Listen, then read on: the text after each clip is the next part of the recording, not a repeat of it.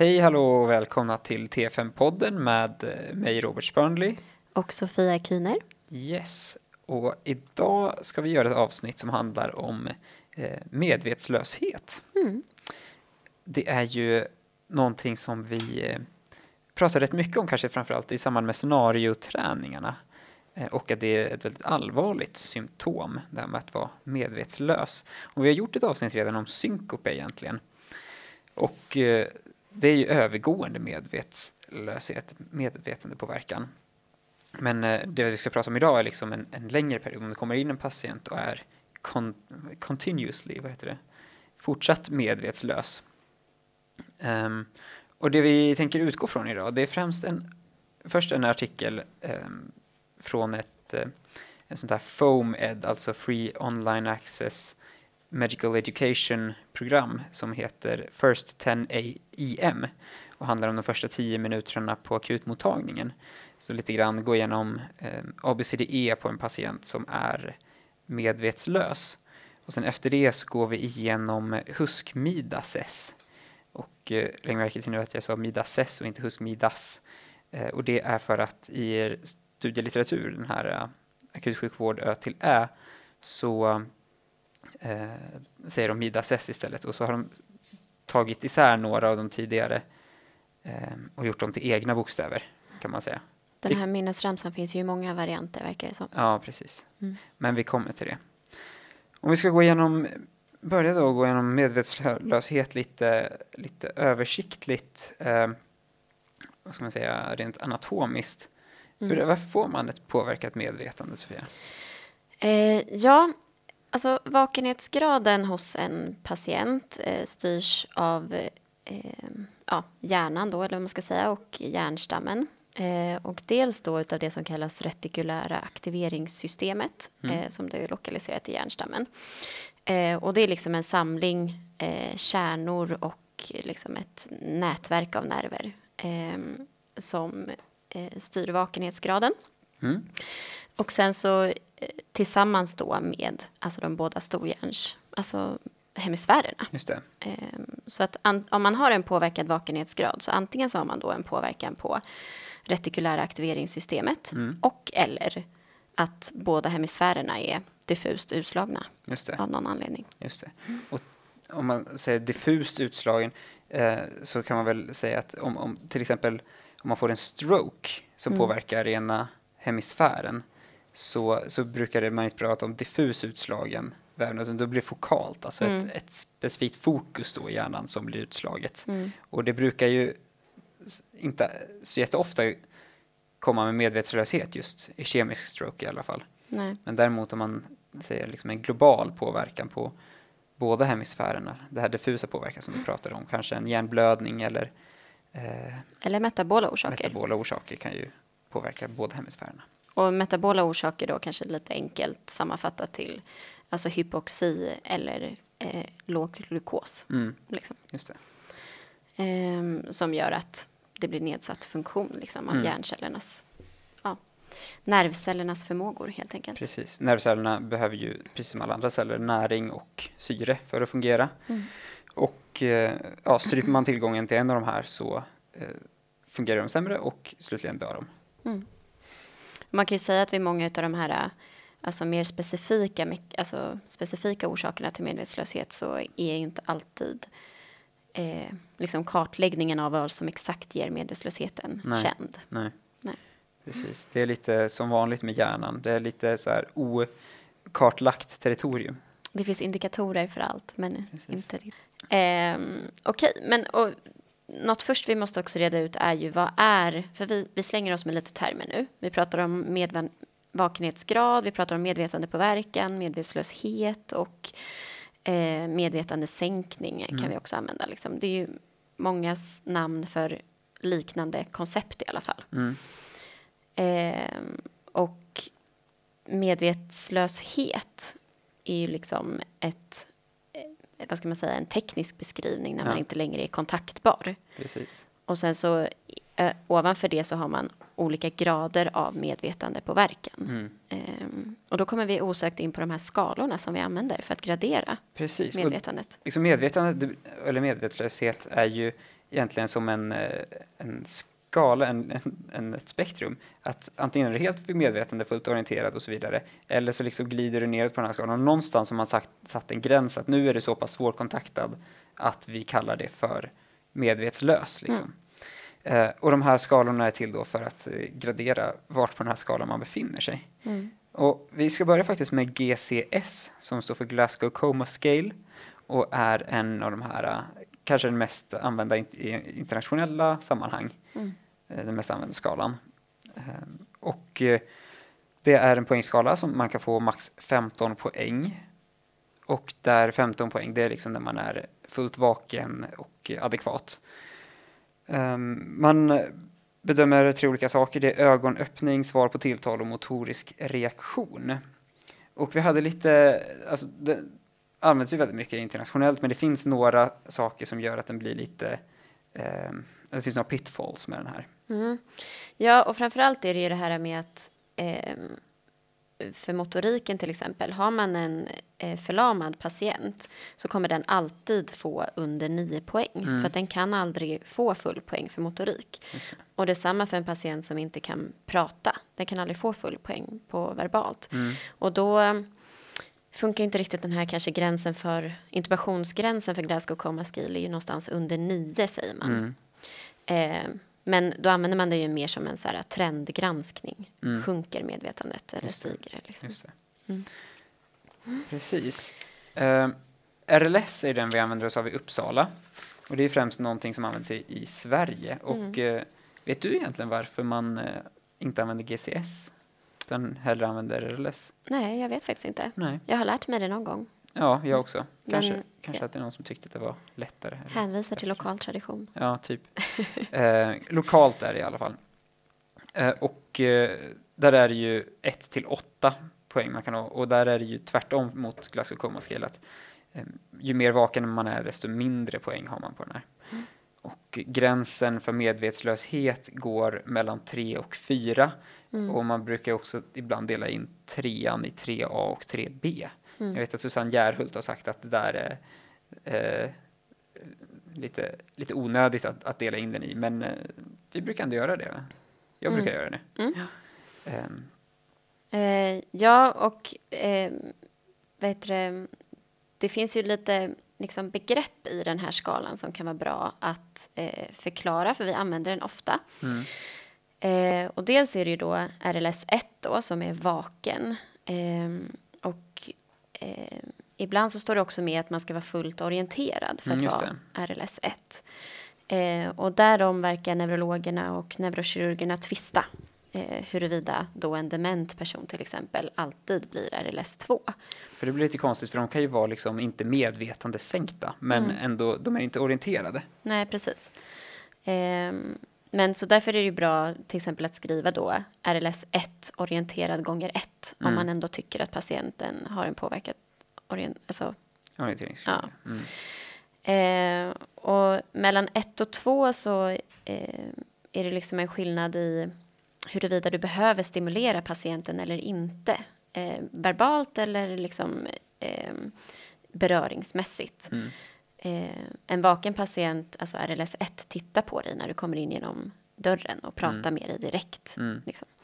Medan en tvåa kanske du behöver säga tilltala med namn och ruska om lite mm. liksom, och så vaknar de till. Mm.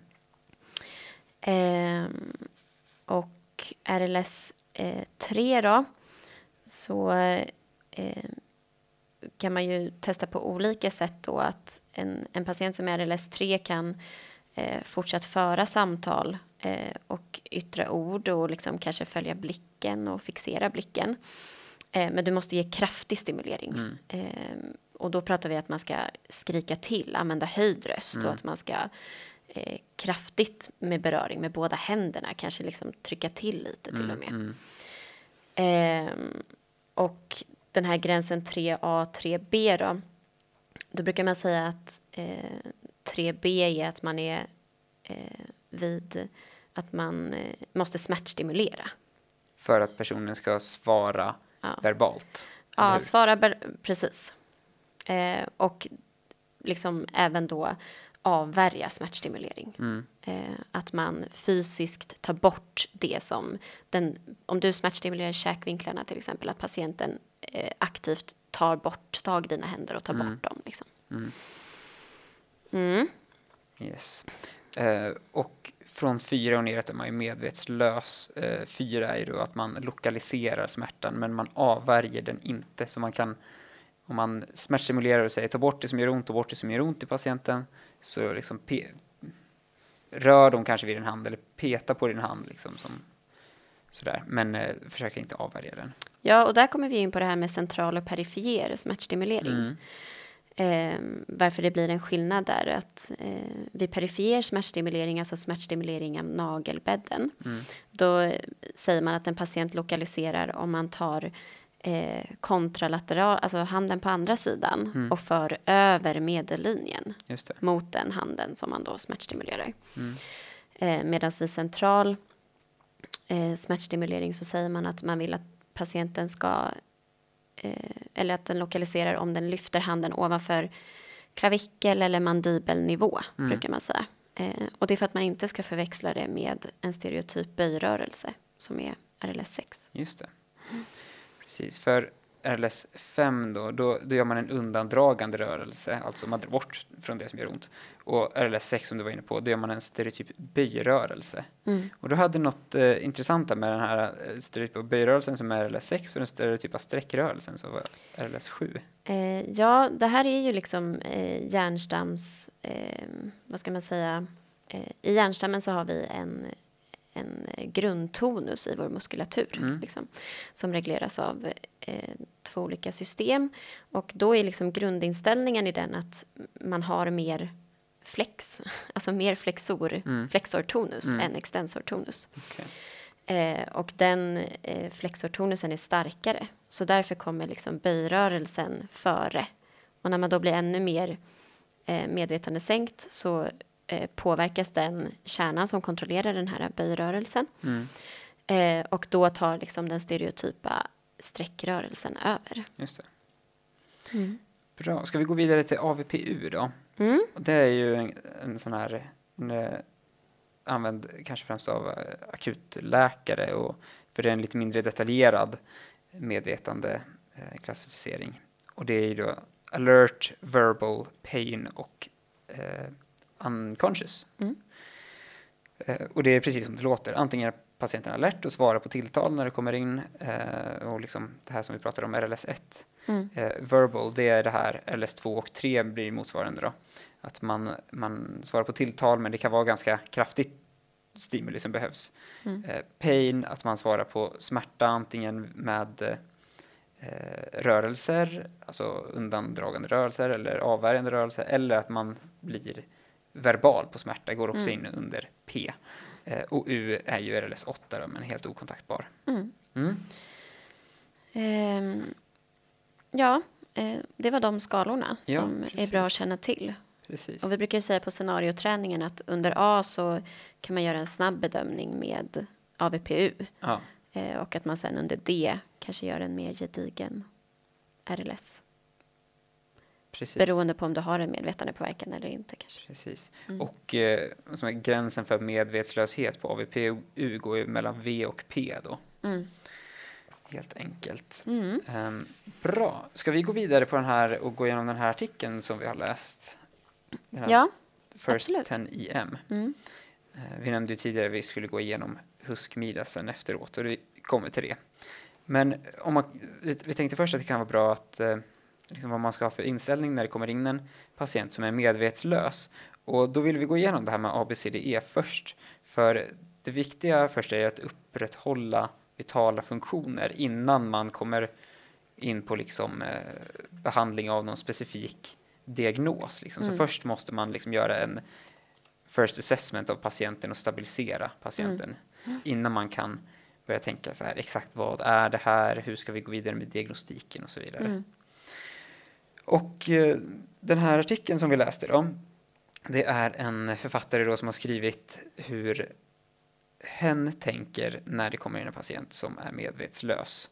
Och då har författaren delat in den här eh, det här i liksom det som dödar patienten direkt, det som dödar inom några minuter, det som dödar inom tio minuter och det som dödar inom ett par timmar.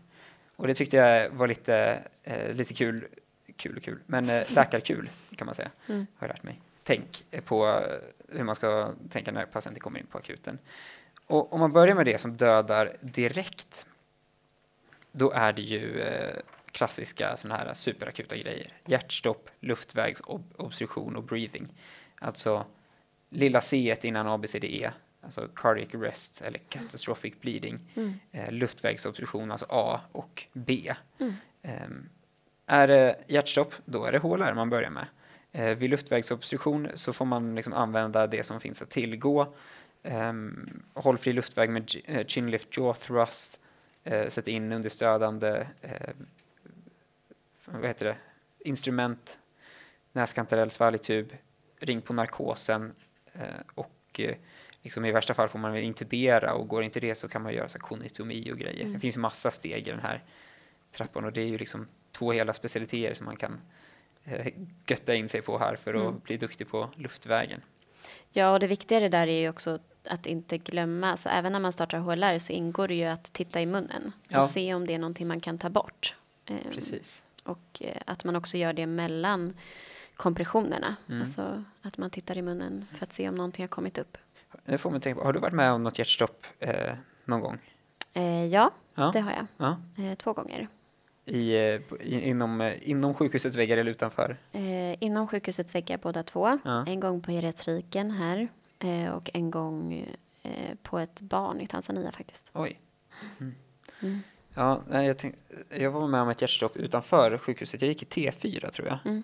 Eh, och det var precis utanför där jag bor så var det någon man som kollapsade på gatan och ja, jag sprang dit och, och det hade samlats lite folk men så började vi göra HLR och, och sådär och jag eh, gjorde kompressioner och så skulle jag liksom göra inblåsningar då, men då hade han liksom kräkt så han hade Mm. fullt med, med kräk i munnen och då Mm. blev jag så liksom så ställd. Mm. Så vad ska jag göra nu? Mm. Så då försökte jag liksom vända honom på sidan och tömma ut det här kräket och sådär men eh, ja, blev väl hjälpligt bättre och så kunde vi göra lite inblåsningar men jag misstänker att jag blåste ner en del i eh, liksom aspirerade liksom, Mm. sen aspirerade.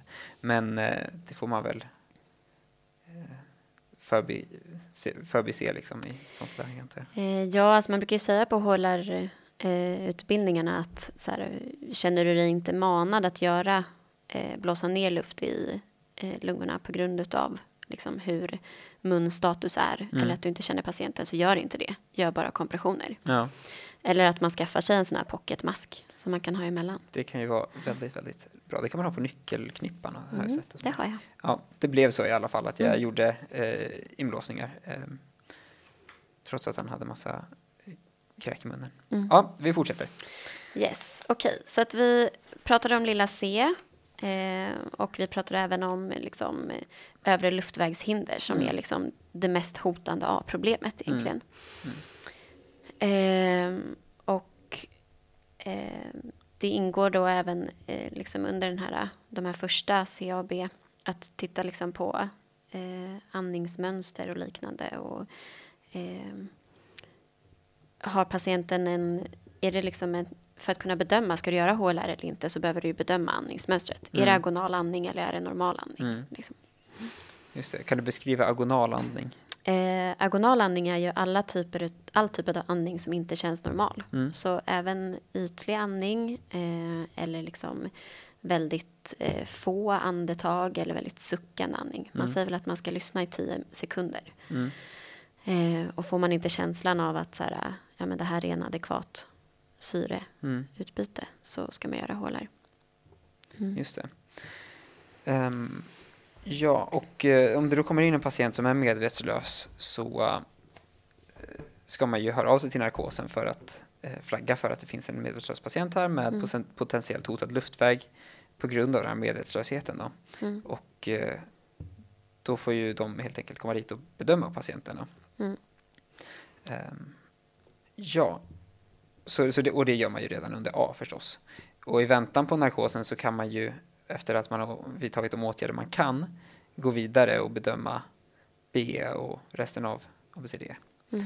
Ehm, men i den här artikeln då, som vi kanske ska återgå till så gör de, det de gör först är en, en, den här en snabb survey, som kallar översikt eh, av alla bokstäverna för att se om det finns någonting som kan döda patienten först då in, direkt och sen inom de kommande minuterna för mm. att sedan gå in på lite djupare status på ABCD. Um, om vi går förbi det här med um, hjärtstopp, luftvägsobstruktion och breathing så går vi vidare på det som dödar inom de kommande minuterna. Och då har den här författaren skrivit upp eh, hypoglykemi, överdos, intrakraniella processer och med det menas inklämning och stegrat intrakraniellt tryck. Mm. Eh, och då, då står det att, att medan eh, sjuksköterskan jobbar för att få en intravenös infart på patienten så eh, gör läkaren den här snabba översikten. Då. Mm. Så en sköterska på access och en på vitalparametrar. Mm. Eh, och så gör läkaren en snabb, ja, vad som också kallas ofta som en primary survey. Just det. Eh, precis, och medan man då väntar på eh, vitalparametrarna mm. Eh, så gör man liksom en snabb genomgång, eh, eller den här författaren gjorde en snabb genomgång med de här liksom snabba dödarna eh, som var hypoglykemi, överdos och intrakraniella processer. Eh, och då beskriver hen att han, hen tar ett eh, blodglukos snabbt, liksom kapillärt, eh, och sen gör ett snabbt neurologiskt status. Eh, och vad jag förstod från eh, neurokirurgen och även akutklass poja. Så mm. det viktiga där är att få med eh, pupiller och sen motorik och då motorik på ögonrörelser, ansikte och även extremiteter. Okay. Eh, liksom ett snabbt neurostatus. Just det. Eh, så bara för att rekapitulera eh, att eh, patient kommer in, är medvetslös, tar först hand om det som dödar direkt, hjärtstopp, A-problem, B-problem eller liksom andning som man föranleder att man måste ta akut åtgärder direkt. Därefter medans dina kollegor jobbar på att få en venös access och vitalparametrar, då går du igenom ett snabbt ABCDE nästan som en, en väldigt översiktligt mm. eh, där man eh, kikar på eh, liksom letar efter tecken på sånt som kan döda inom någon minut. Mm. Och då var det framförallt hypoglykemi man kunde få snabbt, man kan få tecken på inklämning och eh, överdos. Mm. Så något C-problem där, hypoglykemi och så överdos och intrakraniella processer, alltså stegrat intrakraniellt tryck mm. på det. Var det mm. så du, du eh, menade? Ja, precis. Yes. Mm. Eh, och när man har gjort det då, då kanske man har fått sina sina vitalparametrar och fått en access. Och då kan man gå in lite djupare och liksom göra en reevaluering med ett lite djupare status, en second survey som de pratar om inom akutsjukvården. Mm.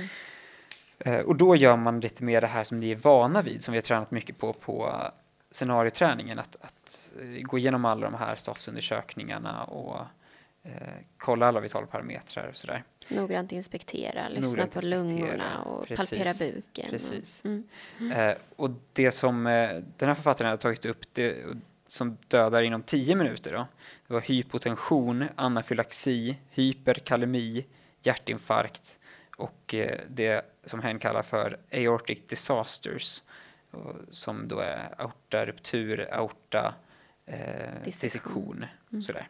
Mm.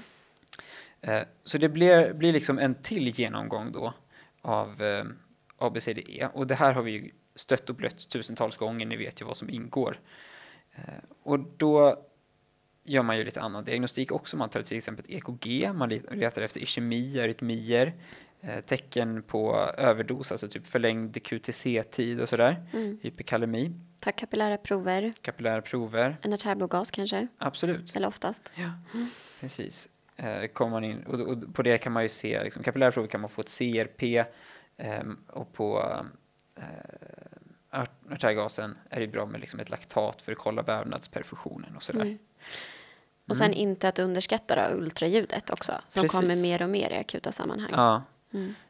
just det. Och eh, det är ju någonting jag skulle vilja lära mig mer om alltså. Mm. Det är verkligen någonting som eh, jag tror är värt att satsa på att lära sig. Eh, de brukar använda sig, akutläkarna, av något som heter RUSH, RUSH eh, sequencing. Och då kollar man eh, blödningslokaler i hjärtat, framförallt Mm. liksom kollar om det finns någon perikardvätska, finns det någon pleuravätska, någon fri vätska i buken, ehm, om det finns någon pneumotorax. Mm. Så gör man liksom en snabb genomgång med, med ultraljudet där. Och det, den här författaren hade också tagit med då att, att, eh, att den gör det i sådana här sammanhang. Och det här eh, Rush eh, känner jag inte riktigt igen, men det, det ser likadant ut som det som eh, ofta eh, används i FAST. Mm, just det. Mm, liksom. Det är något liknande. Det är Mm. kanske en amerikansk version eller någonting. Mm. mm. Eh, och då gör man ju liksom eh, sedvanliga åtgärder. Har du ett lågt tryck, ja men på med vätska. Mm, Eh, har du anafylaxi, eh, adrenalin. precis. Eh, korrigera hyperkalemier och eh, hjärtinfarkt, ja då blir det ju eh, beroende på vilken typ då. Men ladda med Med ja, antikoagulant och serum. eventuellt upp till PCI-labb. Ja, precis. Mm. Så det man, liksom sådana diagnoser som är väldigt uppenbara, kanske en ST-höjningsinfarkt, de behandlar man enligt rutin. Eh, saker som man kanske inte vet exakt vad diagnosen som ligger bakom är, men det ger avvikande vitalparametrar, till exempel en chockbild. Man kanske inte har fastställt exakt, exakt vilken typ av chock det är än. Man kanske har sina misstankar, men man behandlar med liksom, för att få upp blodtrycket och få, få till vävnadsperfusion. Mm. Yes.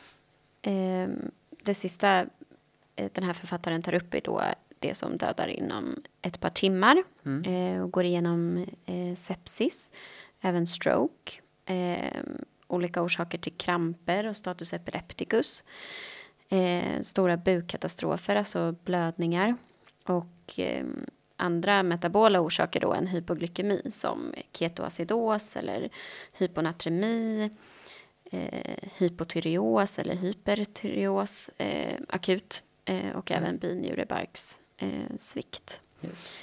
Ehm, och då är det viktigt att man har en stabil patient ehm, för att man kommer antagligen behöva göra någon form av radiologi. Precis. Har man en, eh, en eh, medvetslös patient eh, där man måste liksom bekräfta eller utesluta massa diagnoser så kommer det nästan alltid bli en DT av något slag. Och för att patienten ska kunna överleva den här tiden på, på röntgen så är det viktigt att man har stabiliserat Mm. patienten först. Då.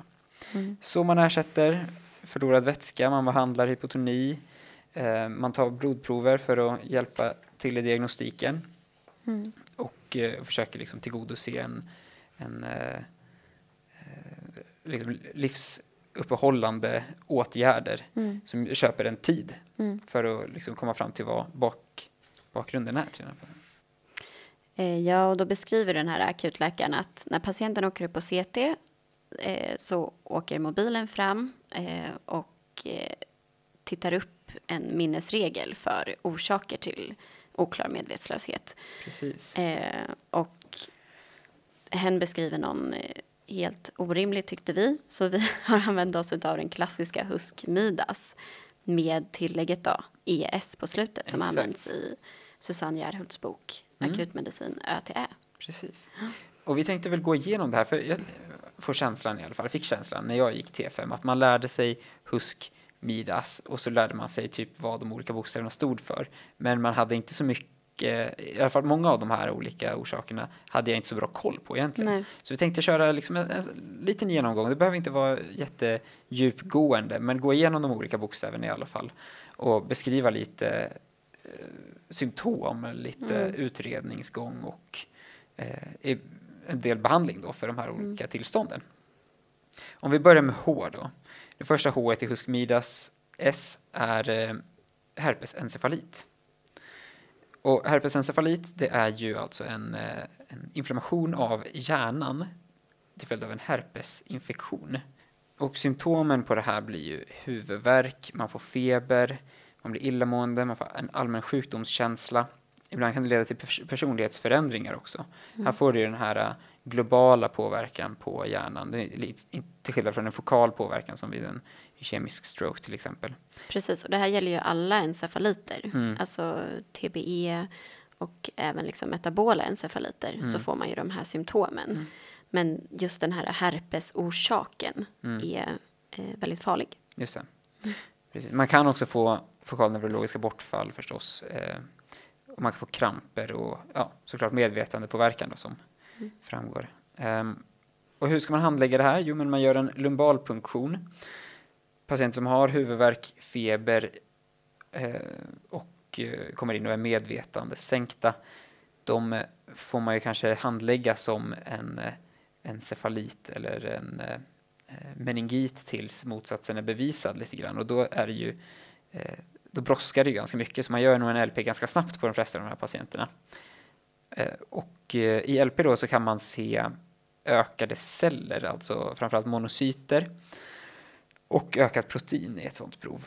Mm. Om det är en herpes. Om det är herpesencefalit, Mm. ja precis. Eh, man kan göra PCR på den här cerebrospinalvätskan för herpes simplex typ 1 och 2 och varicella zoster och enterovirus. Mm. Men det tar ju en stund så det är inget akut prov som man får dir- tillbaks direkt. Men det kan vara bra att göra för att få en bekräftad diagnos. Precis. Det viktiga med herpesencefalit är ju att misstänka det Ja, och då behandla det.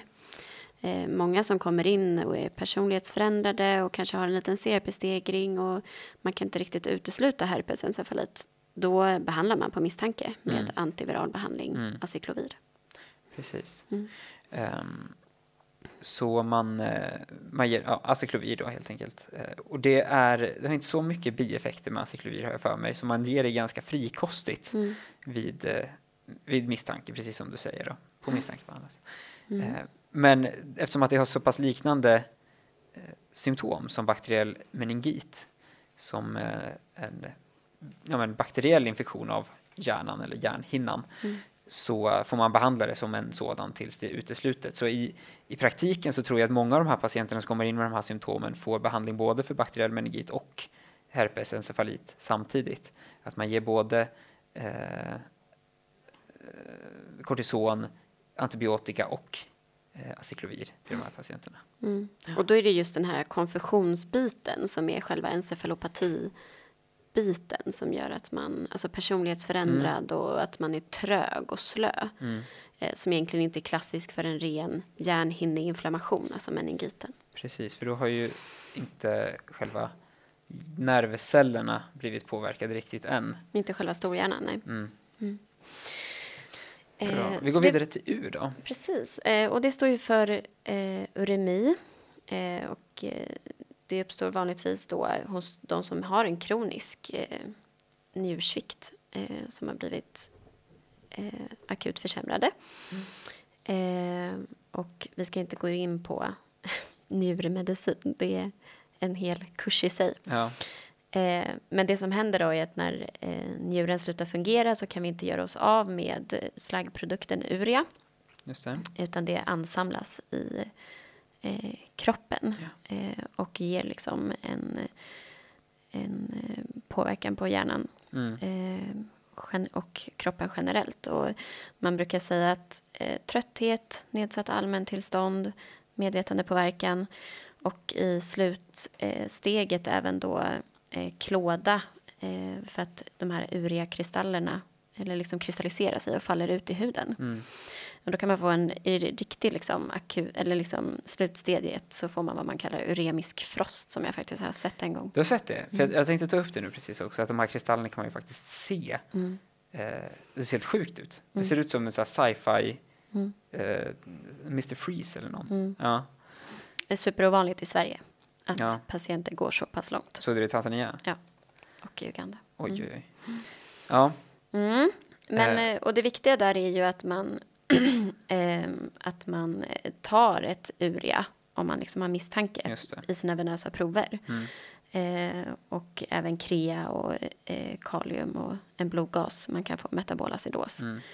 Ehm, och ofta så handlar det om att korrigera acidosen och understödja liksom, Mm. ehm, patienten. Ehm, ofta får de också hyperglykemi som man får åtgärda och sådär. Men ibland så blir ju dialys liksom det räddande. Precis, akut dialys. Ehm, det kan ju, alltså, tål ju nämnas att det är väl sällan det kommer in en tidigare frisk person med uremi, utan Mm. det är ju som du sa där i början precis att, att eh, främst något som misstänks på patienter som har njursvikt sedan tidigare. Mm. Ehm, en liksom kronisk kronisk njursvikt. Eh, Men det, det är ju verkligen bra att ha med det i sin sina differentialdiagnoser så att man kan komma ihåg att just uremi kan ge medvetandepåverkan. Mm. Bra. Vi går vidare till status epilepticus. Och status epilepticus, det är alltså ett generalis- generaliserat epileptiskt anfall. Men eh, ett vanligt anfall, det brukar ju ta slut eh, alltså på under fem minuter. Men pågår det i mer än fem minuter, då eh, klassas som ett status epilepticus. Det kan vara antingen att det pågår i fler, eh, mer än fem minuter eller att det är fler än eh, lika med eller fler än två anfall. Och mellan de här anfallen så vaknar inte patienten eh, till, Till. till medvetande. Liksom. Mm. Och det kallar man för status epilepticus, alltså pågående generaliserat anfall som inte slutar. Och det är ju farligt för att det som händer är att vid kramper är ju att man frisätter enorma mängder neurotransmittorer eh, som är liksom i sig cytotoxiska för hjärnan. Eh, så att den här toxiska eh, badet som hjärnan hamnar i är liksom nervcellsskadande. Så man vill minska tiden och minska utsläppet och därför vill man häva statuset snabbt. Just det. Eh, handläggning på det här då. Man gör ABCDE eh, Eh, och stabiliserar vitalparametrar. Man kontrollerar glukos, eh, natrium och kalciumjoner som kan ha, liksom, spela in i den här krampmekanismen. Eh, och eh, man ger bensodiazepiner, ofta i eh, eh, intravenöst eller intraosseöst eller eh, via per rektum då. Och man eh, ger 10 milligram stesolid och om man ger det intravenöst då ska det ges över två minuter och det kan man upprepa efter fem minuter. Mm. Om det här inte hjälper så går man över och ger eh, antiepileptika kan man Mm. säga. Precis. Om det här här inte heller hjälper så får man eh, så kallar man det för refraktär epilepsi och då måste man intubera patienten och söva den. Precis, då sederas de och så eh, läggs man in på IVA. Mm. Och så gör man upprepade försök att försöka häva sederingen. Är så? Eh, Mm. Mm. Eh, Så man liksom tar upp dem ur, ur sederingen. Mm, då har man liksom EEG-monitorering samtidigt. Ah, ja. Så man behöver, de behöver liksom inte börja krampa utan Nej. man märker ju huruvida basaktiviteten är påverkad fortsatt. Just det, just det. Man testar. Ehm, mm. Bra. Eh, då har vi gått igenom HUS, alltså herpesencefalit, uremi och status epilepticus. Mm. K1 då, det är Wernicke-Korsakoffs encefalopati. Mm. Och vad ska jag säga, det akuta tillståndet här är ju egentligen Wernicke-encefalopati. Mm. Medan den kroniska följden på en obehandlad sådan är Korsakov. Mm. Eh, och då var det Korsakov som liksom fick bli re- representerat i Husk-Midas, kanske bara för att det ska låta bra. Ja. Mm. Husv hade hade inte, inte samma inte- klang. Precis. Eh, precis, och orsaken då till den här Wernicke-encefalopatin, eh, och då har ni igen ordet encefalopati, alltså vi har en stor hjärnepåverkan, liksom, så Mm. man kan tänka sig lite samma symptom som vid andra encefalopatier. Eh, och orsaken här då är tiaminbrist. Eh, och tiaminbrist, eh, vanligast i Sverige är orsak att man har ett långvarigt alkoholbruk. Eh, bruk. Mm. Eh, Men även andra orsaker till liksom malnutrition eller vad man ska säga, så anorexi eller ehm, så eh, kan Absolut. också ge det här. I andra länder kanske om man har drabbats av svält och sånt där. Mm. Alkoholism, det, har, det är ju liksom ett tvåeggat svärd kan man säga. Dels så, så kan det vara så att alkoholister inte har riktigt samma, eh, ja men lika god diet som eh, personer som inte har alkoholism. Och så är det så att alkoholen i sig påverkar upptaget och omsättningen av just tiamin. Mm. Ehm, Och misstänker man eh, Wernicke-encefalopati så är det väldigt viktigt att gå in med en snabb, snabbt med en hög dos tiamin. Och hur, hur ser man, eller hur ska man misstänka, misstänka Wernickes encefalopati? Som med mycket annat så finns det en klassisk triad. Eh, och eh, det finns väl en liten så här folkmunstriad som brukar vara vinglig, vimsig och vindögd. Eh, och det representerar väl egentligen att man ska ha eh, någon form av motoriskt symptom, Mm. alltså vingligheten, eh, oftast ataxi. Just det. Eh, konfusion liksom. Och det representerar den här vimsigheten, liksom, någon typ av medvetandepåverkan. Eller medvetandepåverkan. Eh, och sen att man ska ha någon form av ögonsymptom. Och vanligast är abdusens pares eller nystagmus. Och där kommer den här vindögd in. Alltså vinglig, vimsig och vindögd. Mm. Eh, och behandlingen är ju att ersätta det som eh, saknas. Eh, och det är tiamin. Mm. Och det är väldigt höga doser. Väldigt hög dos. Jag satte faktiskt in den här behandlingen på patient för inte allt för länge sedan. Och alla sjuksköterskor eh, under det passet jag jobbade eh, ringde och frågade, är, är det verkligen säkert mm. det här? Mm. Eh, och det här är också en sån här sjukdom som man ska behandla på misstanke. Mm. och viktigt också att ge att om man tänker sig att man ska ge någon form av glukos eller bara mat till en sån här patient så ska de ha tiaminet först. Mm.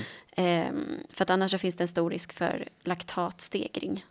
Precis.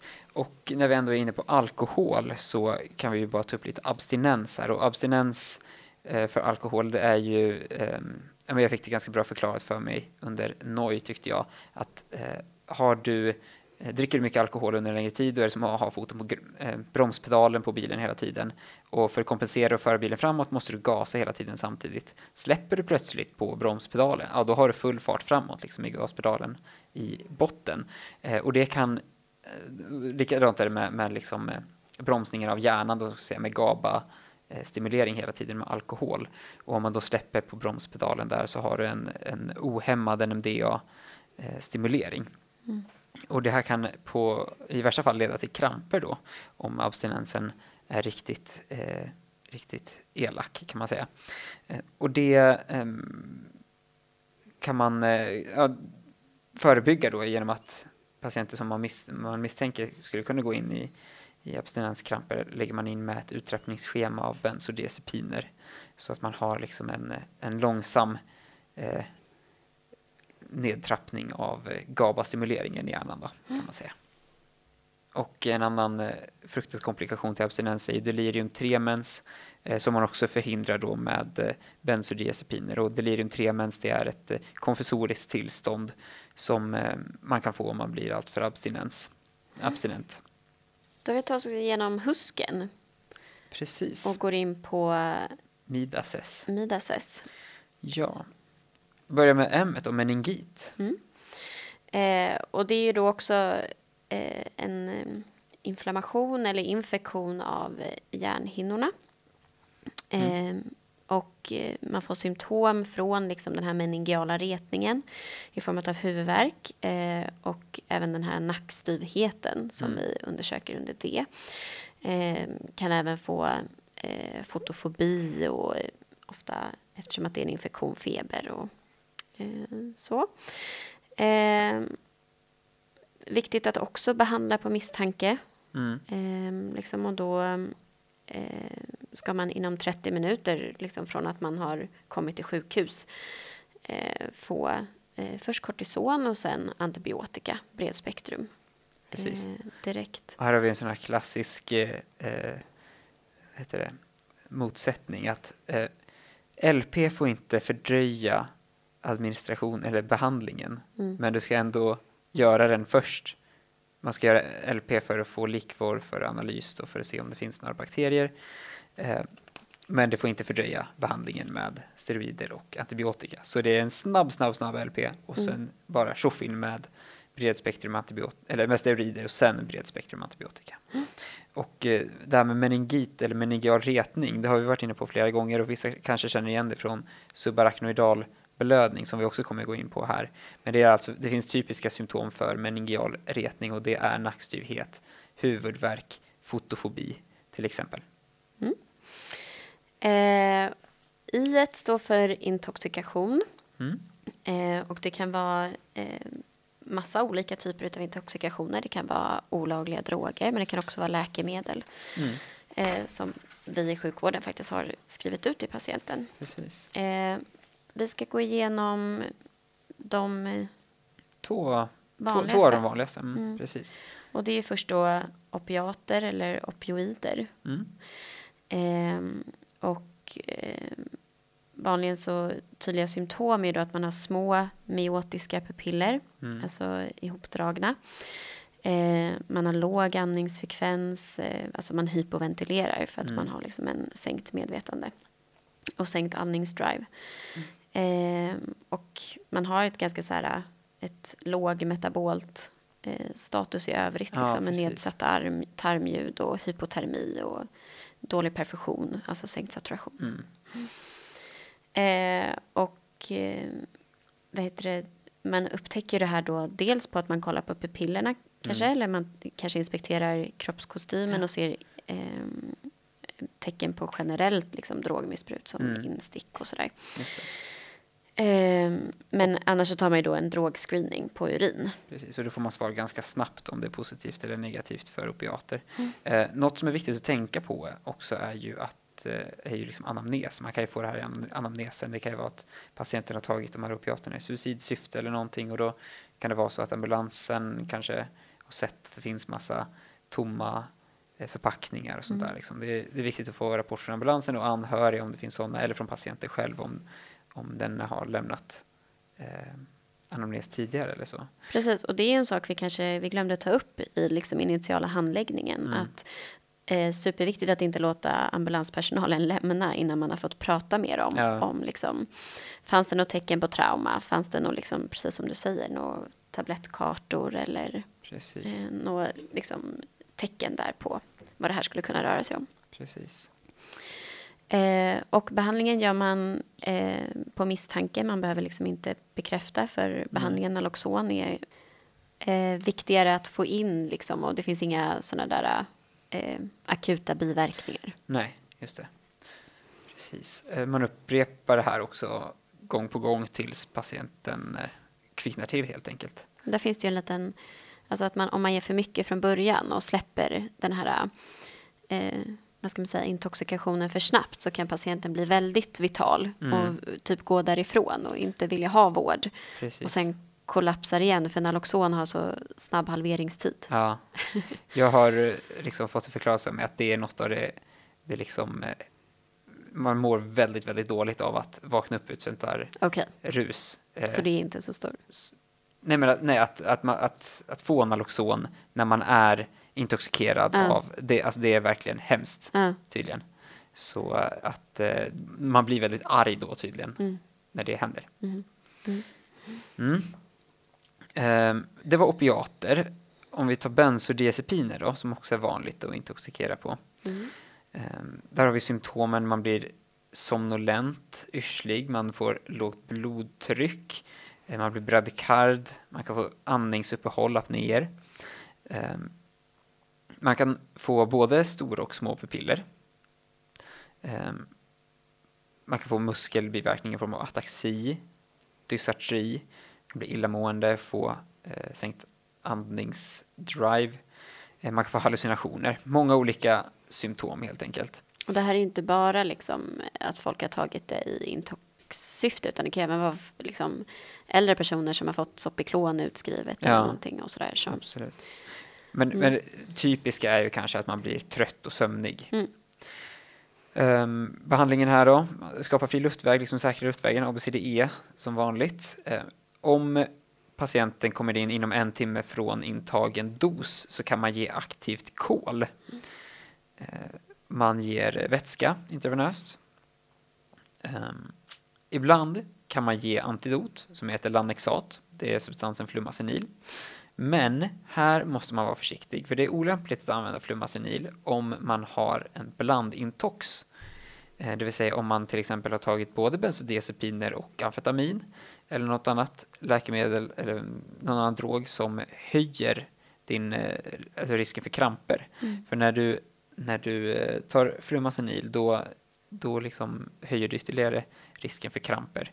Så det kan re, leda till att man får generaliserande kramper då, om man ger det här vid blandintoxikationer. Så det får man vara väldigt försiktig med. Så man ger det inte på samma vida indikation som Naloxon. Nej. Ehm, och D då står för diabetes och då är det lite ett paraplybegrepp för olika Mm. tillstånd som kan ehm, orsakas. Eh, och det första är då hypoglykemi som vi redan har pratat eh, om, den här snabba dödaren. Mm. Eh, och att man då tar ett snabbt glukos och eh, har man under tre att man ger bolusdoser, eh, 30 procent i glukos. Upprepade gånger, ja, precis. Mm. Ganska lätt att upptäcka, ganska lätt att åtgärda. Mm. Nästa sak vi går in på är lite mer komplicerad. DKA, diabetes ketoacidos. När man har dåligt upptag av glukos i cellerna, oftast på grund av insulinbrist, då måste cellerna producera ketoner istället och användas som energisubstrat. Och de här ketonerna är i sig lite sura och det kan leda till en metabol acidos. Mm. Och eh, det här kan i sig då leda till en, en eh, metabol förgiftning kan man säga, som kan påverka medvetandegraden. Mm. Man utreder med eh, ta glukos som ofta är högt. Eh, man tar en artärgas för att kolla hur pH ligger och så tar man ketoner i blodet. Man eh, behandlar det här med eh, vätska, mycket vätska ofta, och eh, man sätter till kalium också och så ger man insulin för att, för att vända det här då. Mm. Och kaliumet är viktigt att man ger för att insulin tar med sig kalium in i cellen. Så man Genom- kan få en hypoglykemi. Mm.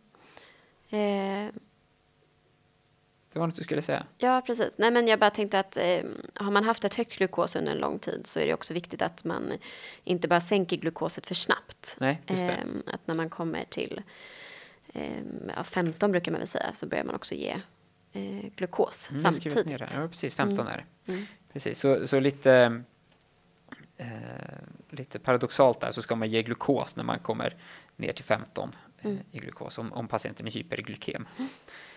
Bra. Eh, Eh, men vi går in på eh, HHS, hyperosmolärt hyperglykemiskt syndrom. Jag tror på engels, i engelsk litteratur att det kallas för eh, hyperosmolärt non, eller hyperglykemiskt non-ketonic syndrom. Mm. Eh, ses ofta hos patient, äldre patienter med typ 2-diabetes och av någon, någon anledning så har de fått eh, sämre intag av vätska. Det kan vara en infektion, eh, nedsatt törstsensation efter stroke till exempel.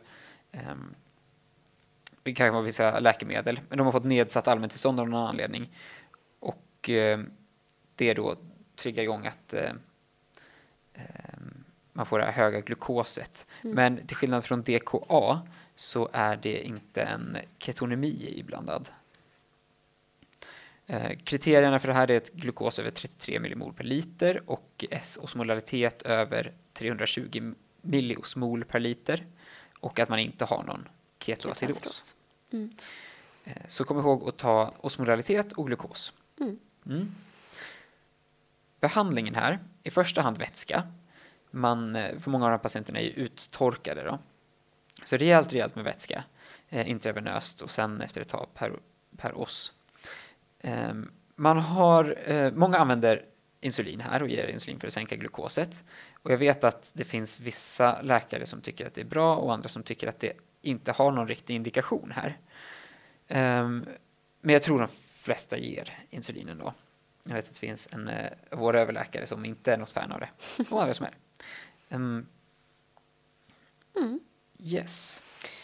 Ehm, det var D1, olika typer av diabetes eller glukosrubbningar.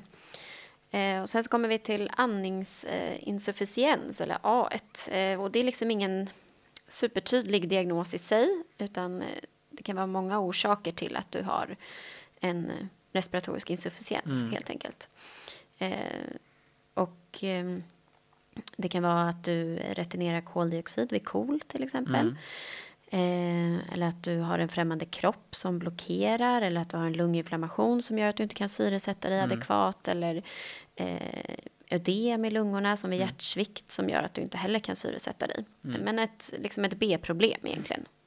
Främmande kropp får mig osökt att tänka på den där, eh, är det på ÖNH man får se den där filmen med, är det, ja, ska jag spoila? Ja, det kan du väl göra. kan jag. När man får se en film om en patient som har inhalerat en krabbklo och som inte kom ihåg det. De trodde han hade jättesvår inställd astma och sen så gjorde de till slut en bronkoskopi på honom och så hade han en hel jäkla krabbklo i, i eh, höger huvudbronk. Den här har inte jag sett. Du har inte sett den? Nej. Ja, det var fascinerande kan jag säga. Ehm, men det är egentligen alla, många tillstånd som orsakar hypoxi. Mm. Eh, och även eh, kolmonoxidförgiftning vid typ brandrök och. Precis. Ehm, ja. Och de får man ju liksom åtgärda på, på med syrgas och eh, åtgärda liksom orsaken. Det kan vara bronkvidgande inhalationer, det kan vara Precis. antibiotika om pneumoni och liksom så. Precis. Ni som har tagit eh, artärgaser och tittat på dem ser att man har en koloxid eh, COHB står det längst ner. Mm. Eh, och den brukar vara så här någonstans mellan 1 till 3 procent.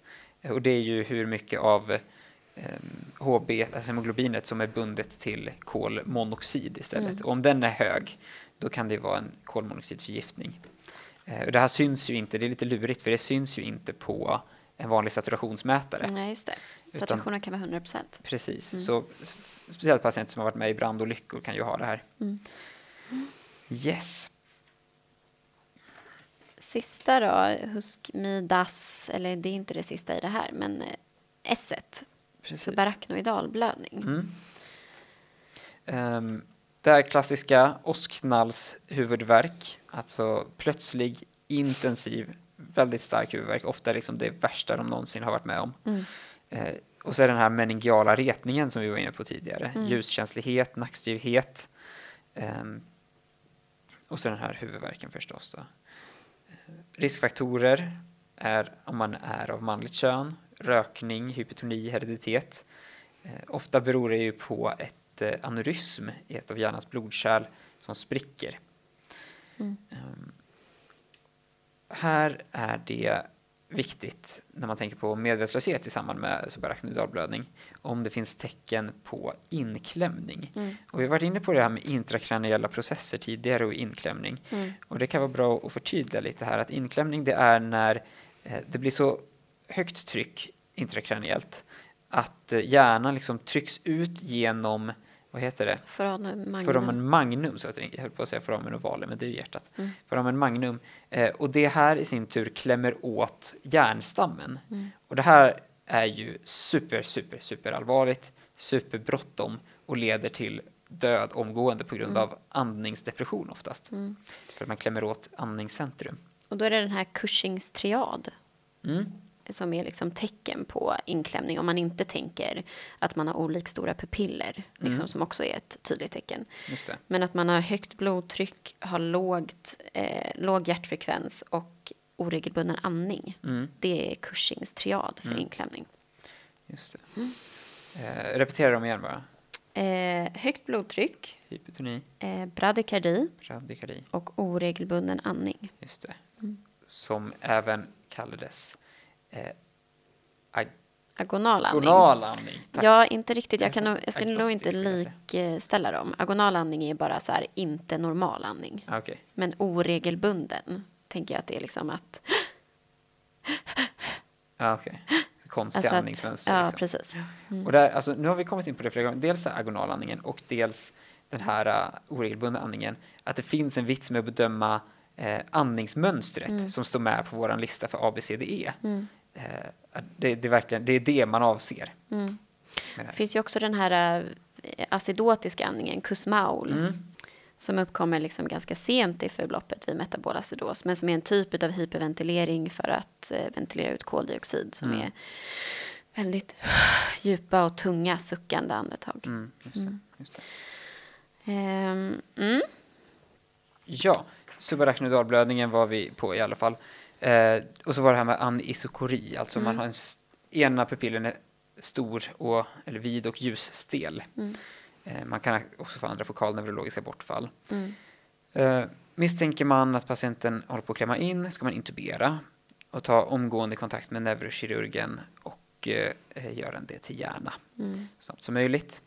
Ehm, det här med subarachnoidalblödning är ju, syns ju oftast, absolut oftast på DT, en vanlig nativ DT-hjärna utan någon ehm, kontrastvätska. Mm. Men det finns någon liten procent, par procent, som inte syns på den här DT-hjärnan och då får man efter eh, ungefär sex timmar efter debut först så kan man börja se tecken till bilirubinstegring i cerebrospinal vätska så då får man göra en lumbalpunktion efter några timmar och eh, se om det finns några bilirubin i den.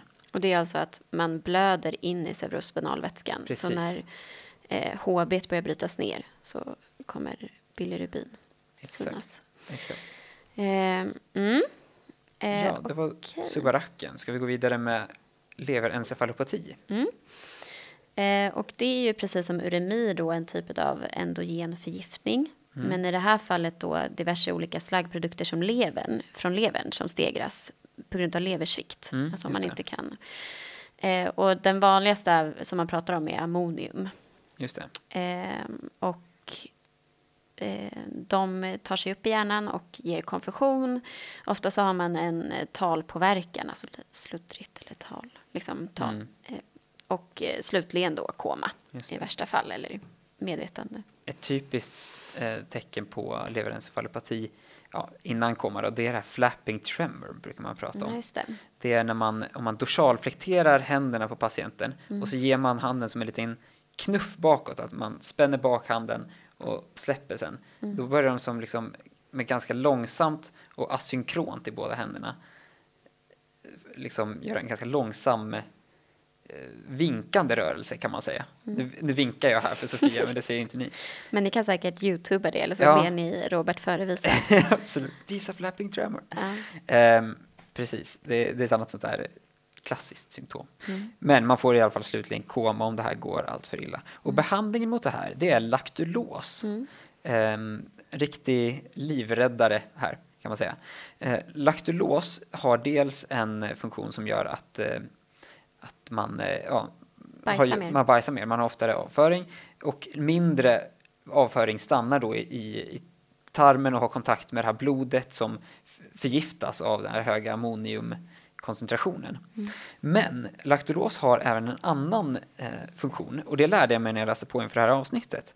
Att laktulos är, eh, kan inte brytas ner av det endogena, de endogena enzymerna vi har. Det finns inget specifikt disackaras, disackaridas som gör att de här disacka- disackariderna i laktulosen kommer ner hela vägen till kolon. Och där är det bakterier som bryter ner de här. Och eh, då bildas mjölksyra och ättiksyra. Och det här gör att pH-värdet i tarmen sjunker.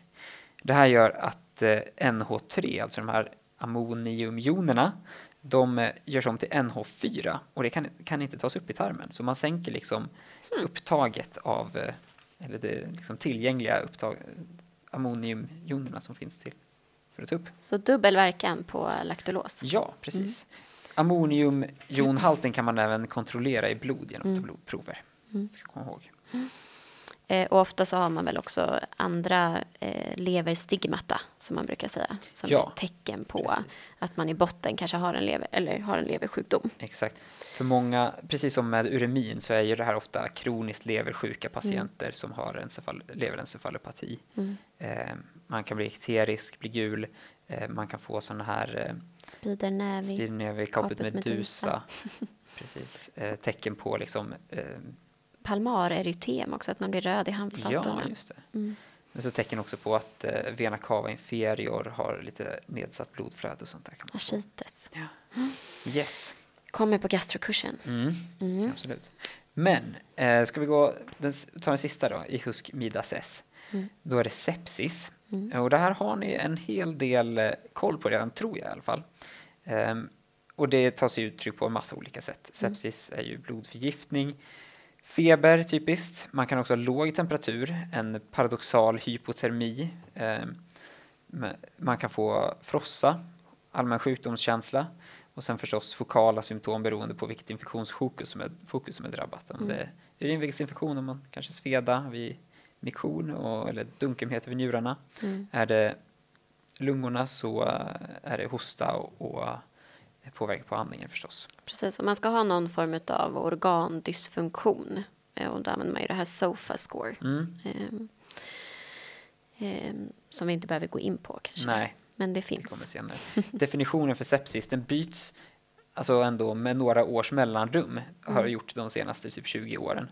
Så det är möjligt att det är en ny definition när ni kommer upp på T9. Mm. Eh, Men eh, generellt brukar det vara liksom organdysfunktion som Mm. eh, är med där på något sätt. På ett Orsakad sätt. av infektion. Mm. Eh, handläggningen då. Viktigt att eh, blododla Eh, och det ingår ju i den här rundodlingen, ett, mm. någonting som vi slänger oss med. Men rundodlingen är vanligen eh, betyder att man tar blododling gånger två, mm. så att man tar två eh, set av blododlingar. Att man gör en nasofaringsodling mm. Eh, och att man odlar eventuella sår, eh, sputum, mm. eh, om man kan få, lyckas få det, eh, och även urin. Mm. Eh, Precis. Mm. Man ger syrgas, vätska intravenöst och då är det kristalloider främst. Alltså. Som vanligt. Ja, som vanligt. Mm. Alltså ringer eller natriumklorid. Mm. Mm. Antibiotika, eh, vanligtvis cefotaxim, eventuellt med tillägg av, eh, av eh, extra antibiotika som kan täcka upp för andra typer av, av eh, patogener också. Mm. Det, det, behöver vi inte heller gå in på nu riktigt, vilken typ av antibiotika ni ska Bred välja. Spektrum. Bredspektrum antibiotika. Mm. precis. Eh, ja, och viktigt att liksom följa de här patienterna vad liksom gäller vitalparametrar. Alltså artärblågasen är ju här också ovärderlig Verkligen. i att värdera hur allvarligt är det här.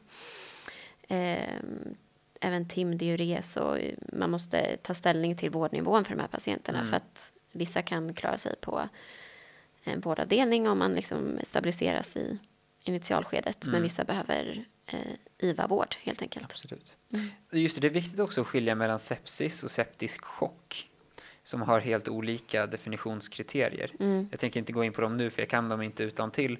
Eh, men det kan man gå in och kolla på om man vill. Att sepsis behöver inte alls vara lika akut och allvarligt egentligen som septisk chock. Sepsis är ett väldigt allvarligt tillstånd, men septisk chock innebär ju att du har akut liksom, eh, Sviktande vitalparametrar. Sviktande vitalparametrar, precis. Mm. Och eh, eh, hemodynamisk instabilitet. Liksom. Mm. Och man kan väl säga också att här, bara för att du har sepsis så behöver du egentligen inte ha bakterier som växer i blod. Utan det kan ju också vara alltså att du har en så stark lokal infektion i urinvägar eller lunga att du får liksom den här cytokinstormen som gör det som att du får en systemisk inflammation. Jaha, det visste jag faktiskt inte. Eh, det behöver inte vara växt i blod. Så man behöver inte ha bakteriemi? Nej, precis. För att man har sepsis? Nej. Okej, okay, intressant. Mm. Det var nytt för mig. Men då så Sofia, då tror jag vi har gått igenom hela huskmidases och den här uh, akuta handläggningen i början. Mm. Eh, vi hoppas att ni har fått eh, lite mer liksom, eh, eh kunskap om eh, medvetandepåverkan, medvetandesänkning, att ni känner att ni har lite bättre koll på de här diagnoserna som döljer sig bakom huskmidases och att ni känner er mer bekväma med hur man ska akut handlägga en medvetandesänkt patient. Mm. Och jag tycker också jag har lärt mig ganska mycket av det här. Ja. Jag uppmanar er förstås som vanligt att skicka in eh, önskemål eller synpunkter till eh, mejlen som är t5podden gmail.com och så t5podden är ett ord utan att bindestreck eller något sånt där. Eh, och hör jättegärna av er med liksom, synpunkter eller om ni bara har någon fråga eller någonting eller bara något ni vill påpeka. Kanske har vi sagt någonting fel och då är det jättebra om ni hör av er och säger det. Mm.